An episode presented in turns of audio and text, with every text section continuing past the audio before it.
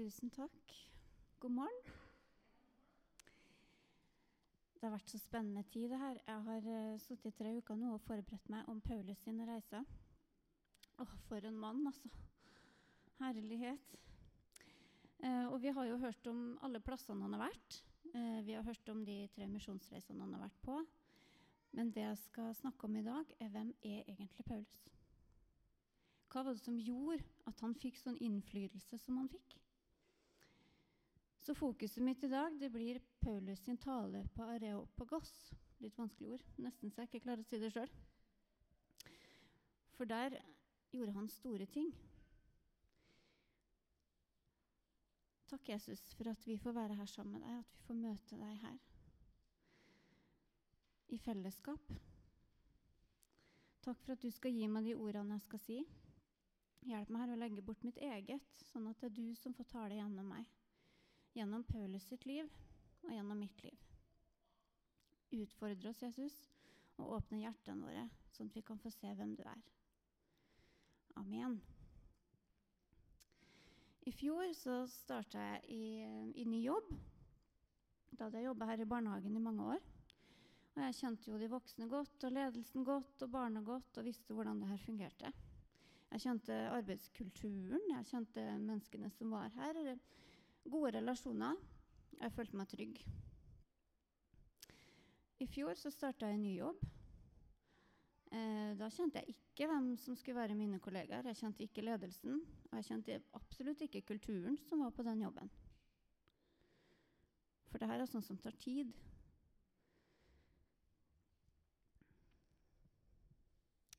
Det eneste jeg kjente, det var jo min kultur og min oppvekst og mine erfaringer. Det skal jeg fortelle litt mer om siden. Hvis vi går tilbake ca. 2000 år, ca. år 10 etter Kristus, så var det en mann som het Saulus, som ble født. Han ble en av de første store teologene. Og hvordan det ble sånn, det henger jo sammen med oppveksten hans. Han ble født i Tarsus, det var eh, i provinsen Kilikia i Lille-Asia, i hovedstaden i Romerike. Og eh, den hovedstaden der det ble et sånn eh, knutepunkt for alle de reisende fra øst og vest. Og Det betydde jo også da at det ble mange ulike kulturer. Det ble mange ulike språk og mange ulike holdninger og verdensbilder. Ikke ulikt sånn vi har det i dag. Og Spesielt så hadde den stoiske og epikureiske filosofien gjort seg gjeldende i byen. Den stoiske filosofien den holder følelser og fornuften atskilt. Der var det selvkontroll som var i fokus, og det skulle ikke være noe innblanding av følelser. Og valg skulle bare tas med fornuften alene. Mens den epikureiske filosofien det var en moralfilosofi og en lære om hvordan menneskene kunne leve lykkelig. Høres det kjent ut? Fysikk ble brukt som naturlige forklaringer for å befri menneskene fra såkalt lykkedrepende overtro og frykt for gudene. Og slik så kunne de uforstyrret leve for nytelsen, fordi jeg fortjener det. Målet for begge disse to filosofiene var å få bukt med den uroen som vi mennesker kan kjenne inni oss og dermed oppnå en opphøyd sjelsro. Og det er kanskje ikke så ulikt det samfunnet vi lever i i dag. For det undervises og skrives bøker om mindfulness, som skal gi oss indre ro, kontakt med cellet, og yoga som brukes i meditasjon osv. Det er jo sånn vi har det i dag i verden. Men hvorfor er dette viktig? Fordi oppveksten og kulturen vår er historien vi er en del av. Og hvordan vi møter den historien, er relevant. Og det var akkurat det her Paulus gjorde. Paulus har tre navn i Bibelen. Det her er for å oppklare litt. Han omtales som Saulus. Gud snakker til han om, med navnet Saul. Og så er det Paulus, da, som omtales etter den Damaskus-opplevelsen som vi har hørt om. Paulus var født av jødiske foreldre som tilhørte en liten jødisk befolkningsgruppe. Samtidig så var faren til Paulus han var romersk statsborger. og Det betyr jo også da at Paulus han var også romersk statsborger. Så her har han to kulturer blanda sammen. Dette forteller han om i Apostlenes gjerninger 22-28. Og faren oppdro han som en streng fariseer. Oppveksten i Tarsus ble jo naturlig nok prega av den jødiske kulturen som han hadde. Og da han ble tenåring, så gikk han i undervisning til en lovlærer som het Gamaliel, som han forteller om i Apostlenes gjerninger 22.3. Her ble han kjent med fortellingene i Gammeltestamentet. Det gjorde at han ble kjent med jødisk lov og skikk.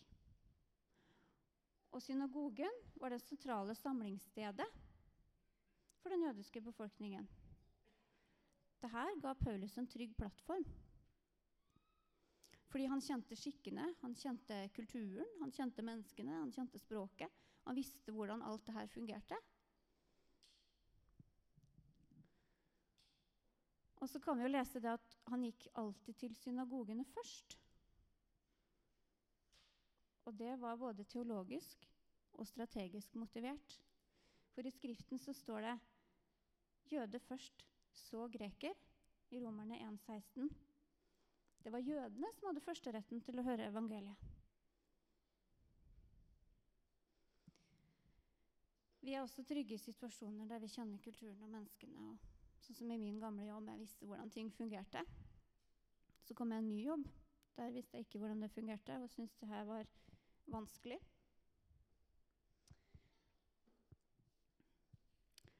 Men så er det det at når vi legger ned vårt eget bruker tid med Jesus, så vil han også bruke de erfaringene vi har, som kanskje ikke oppleves så trygt. Troen på Israels Gud som skaper her i verden, gjorde at Paulus så forskjellen mellom sin egen tro og troen på de gudene som han hørte om i samfunnet han var en del av. Han kjente budene, og det gjorde at han tidlig lærte å ta stilling til hva som var rett og galt i det han så rundt seg. Men samtidig, da, som vi også leser om, så tilhørte han de gruppene av fariseere og skriftlærde som kom i skarp konflikt med Jesus. Han var jo med på forfølgelsen. Men så gjør Gud noe helt uventa. I alt det her fæle som Paulus gjorde. Alt det her forferdelige som mennesker opplevde fordi han var i loven for rett og galt. så var han på vei til Damaskus i apostlene 9, 3-8. Det strålte plutselig et lys fra himmelen omkring ham. 'Saul, Saul, hvorfor forfølger du meg?' Han spurte, 'Hvem er du, Herre?' Og svaret lød, 'Ja, Jesus, han som du forfølger.' 'Men reis deg nå og gå inn til byen. Der skal det bli sagt av hva du skal gjøre.' Mennene som fulgte ham, sto der målløse. De hørte røsten, men så ingen. Og Sørli reiste seg opp, men da han åpna øynene, kunne han ikke se. De måtte ta ham i hånden og leie ham inn til Damaskus. Samtidig som det her skjer, så snakker Gud med en disippel som heter Ananias, som bodde i Damaskus. Gud forbereder han at det skal komme en mann til huset til Judas, som heter Saulus og er fra Tarsus, som Ananias skal ta kontakt med. Men eh, Ananias visste hvem Saulus var, som var fra Tarsus. Han visste hva han hadde gjort. Han visste om historien hans. Alle kjente Saulus sin historie, og de var redd for han. Så Derfor prøver Ananias, sånn som vi ofte kan gjøre, snakke Gud til fornuft og minner ham på hvem denne Saulus egentlig er. Han har jo gjort det her og det her og her. Vet du ikke det? Har du ikke sett det, Gud? Han har jo forfulgt deg. Og det er jo noe vi mennesker er gode på. Vi forteller Gud hva han egentlig burde ha visst. Men heldigvis har Gud større visdom enn oss. Heldigvis. Han kjente også Sølus. Han visste hva han hadde gjort. Men han visste også hvem Saulus kunne bli, og relasjonen han kunne få med han. Han vet at møtet deres på vei til Damaskus Etter det møtet så er det ingen vei tilbake for Saulus. Saulus har blitt en ny mann. Fordi Jesus har møtt ham, og fordi Jesus avbrøt Saulus sine dårlige hensikter med sitt nærvær. Det gjør han i vårt liv òg, hvis vi lar ham få lov. Og det er det møtet her i Damaskus som gjør at vi kjenner Paulus for den mannen han ble. Det er han vi leser om i Bibelen. Han er en av de største teologer som noen gang har vært. Fordi han hadde alle språkene. Han kunne gresk, hebraisk, arameisk. Han kjente til jødenes skikker. Han kjente den romerske kulturen. Han visste hva han snakka om. Han hadde levd i det. Og det her bruker Gud for å vise hvem han er. Han ble en misjonær for det som er rett og sant. Han via hele livet sitt og oppga alt han hadde, både ære og rykte. De kjente jo historien hans. For å forkynne om Jesu død og oppstandelse, om frelse, nåde, kjærlighet og frihet. Og han ga hud og hår inni det.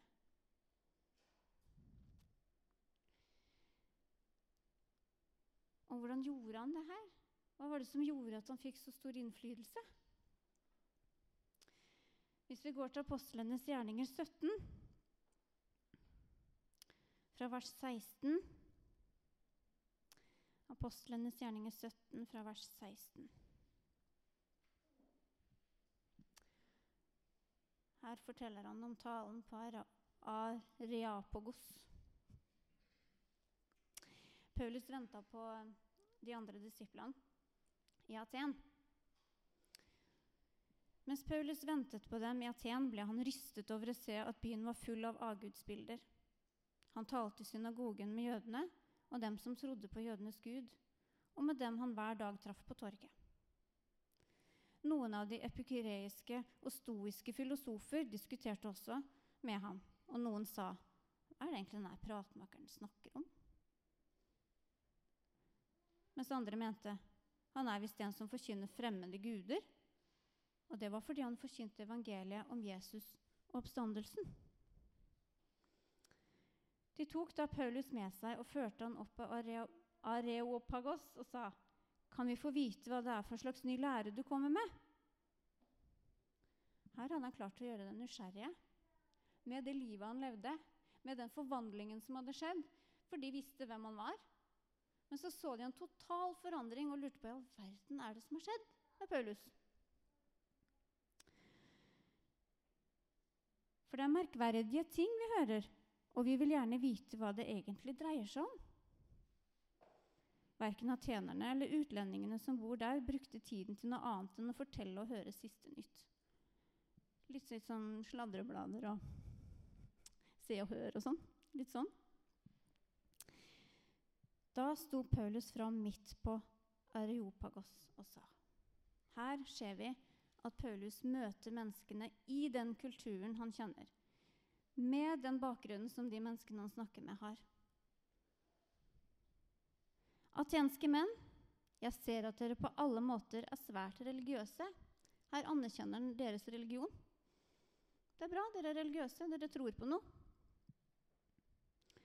For da jeg gikk omkring og så på deres helligdommer, fant jeg et alter med denne innskrift.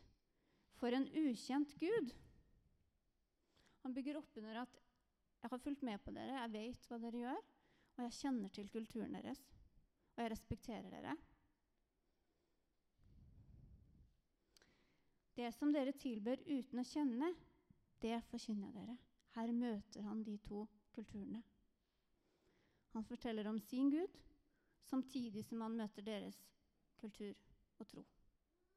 Uten fordømmelse. Og så begynner han å fortelle hvem denne Gud som han har, er. Gud, han som skapte verden og alt som er i den. Han som er herre over himmel og jord. Han bor ikke i templer reist av menneskehender. Heller ikke trenger han noe av det menneskers hender kan tjene ham med. Det er jo han som gir alle liv og ånde og alle ting. Han lot alle folkeslag som stammer fra ett menneske, bo over hele jorden. Og han satte faste tider for dem og bestemte grensene for deres områder. Dette gjorde han for at de skulle søke Gud, om de kanskje kunne føle og finne ham. Her snakker han om en Gud som har relasjon til menneskene. Ikke ting som folk har laga, men en Gud som har relasjon, som kjenner dem, som vet hvem de er. Han er jo ikke langt borte fra en eneste en av oss. For det er i Han vi lever, beveger oss og er til. Som også noen av dere diktere sier, her kommer tilbake inn i deres kultur, henter dem inn igjen. For vi er hans slekt. Fordi vi alle så er Guds slekt, må vi ikke tenke at guddommen ligner et bilde av gull eller sølv eller stein, formet av menneskers kunst eller tanke. Det er det her Paulus gjør. Han møter de nye kulturene med sin visdom og kunnskap som han har fra før, med Guds visdom. Han hever seg ikke over dem, men han finner møtepunkter. Dette er faktisk noe vi har til felles. Men hør, jeg har en bedre plan. Det er et bedre liv enn det dere lever nå. Eget strev med opphøyelse og roe den indre uroen. Jeg kjenner en som kan gjøre det for deg. Nå kjenner jeg den kulturen som er eh, på min arbeidsplass. Jeg brukte lang tid og I begynnelsen så sa jeg ikke så mye om hvem jeg var, eller hva jeg trodde på. eller um, Prøvde å være litt sånn undercover. Så jeg jobba i det stille. Jeg begynte å be for kollegaene mine og lederne mine. Jeg begynte å be for pasientene jeg sammen med hver dag. Hver morgen før jeg for på jobb. Jeg inviterte Jesus til å bli med meg på jobb og hjelpe meg gjennom de oppgavene jeg skulle gjøre. Jeg ba han om å gi meg den visdommen jeg trengte til å utføre jobben sånn som han ville ha gjort det. Og Jesus har sprengt dører åpne som jeg ikke hadde forestilt meg da jeg begynte. Jeg har store vitnesbyrd om hva Gud har gjort på den arbeidsplassen. Mennesker som han uh, har uh, ført til meg situasjoner han har åpna for, som bare han kan få ære for. For jeg kunne ikke ha gjort det her i min egen kraft. Ting han har arrangert, som man ser bare det er bare Gud som kan gjøre det her. Og det kan han gjøre for hver en av oss hvis vi holder oss nær til han. Vi må bare invitere han inn.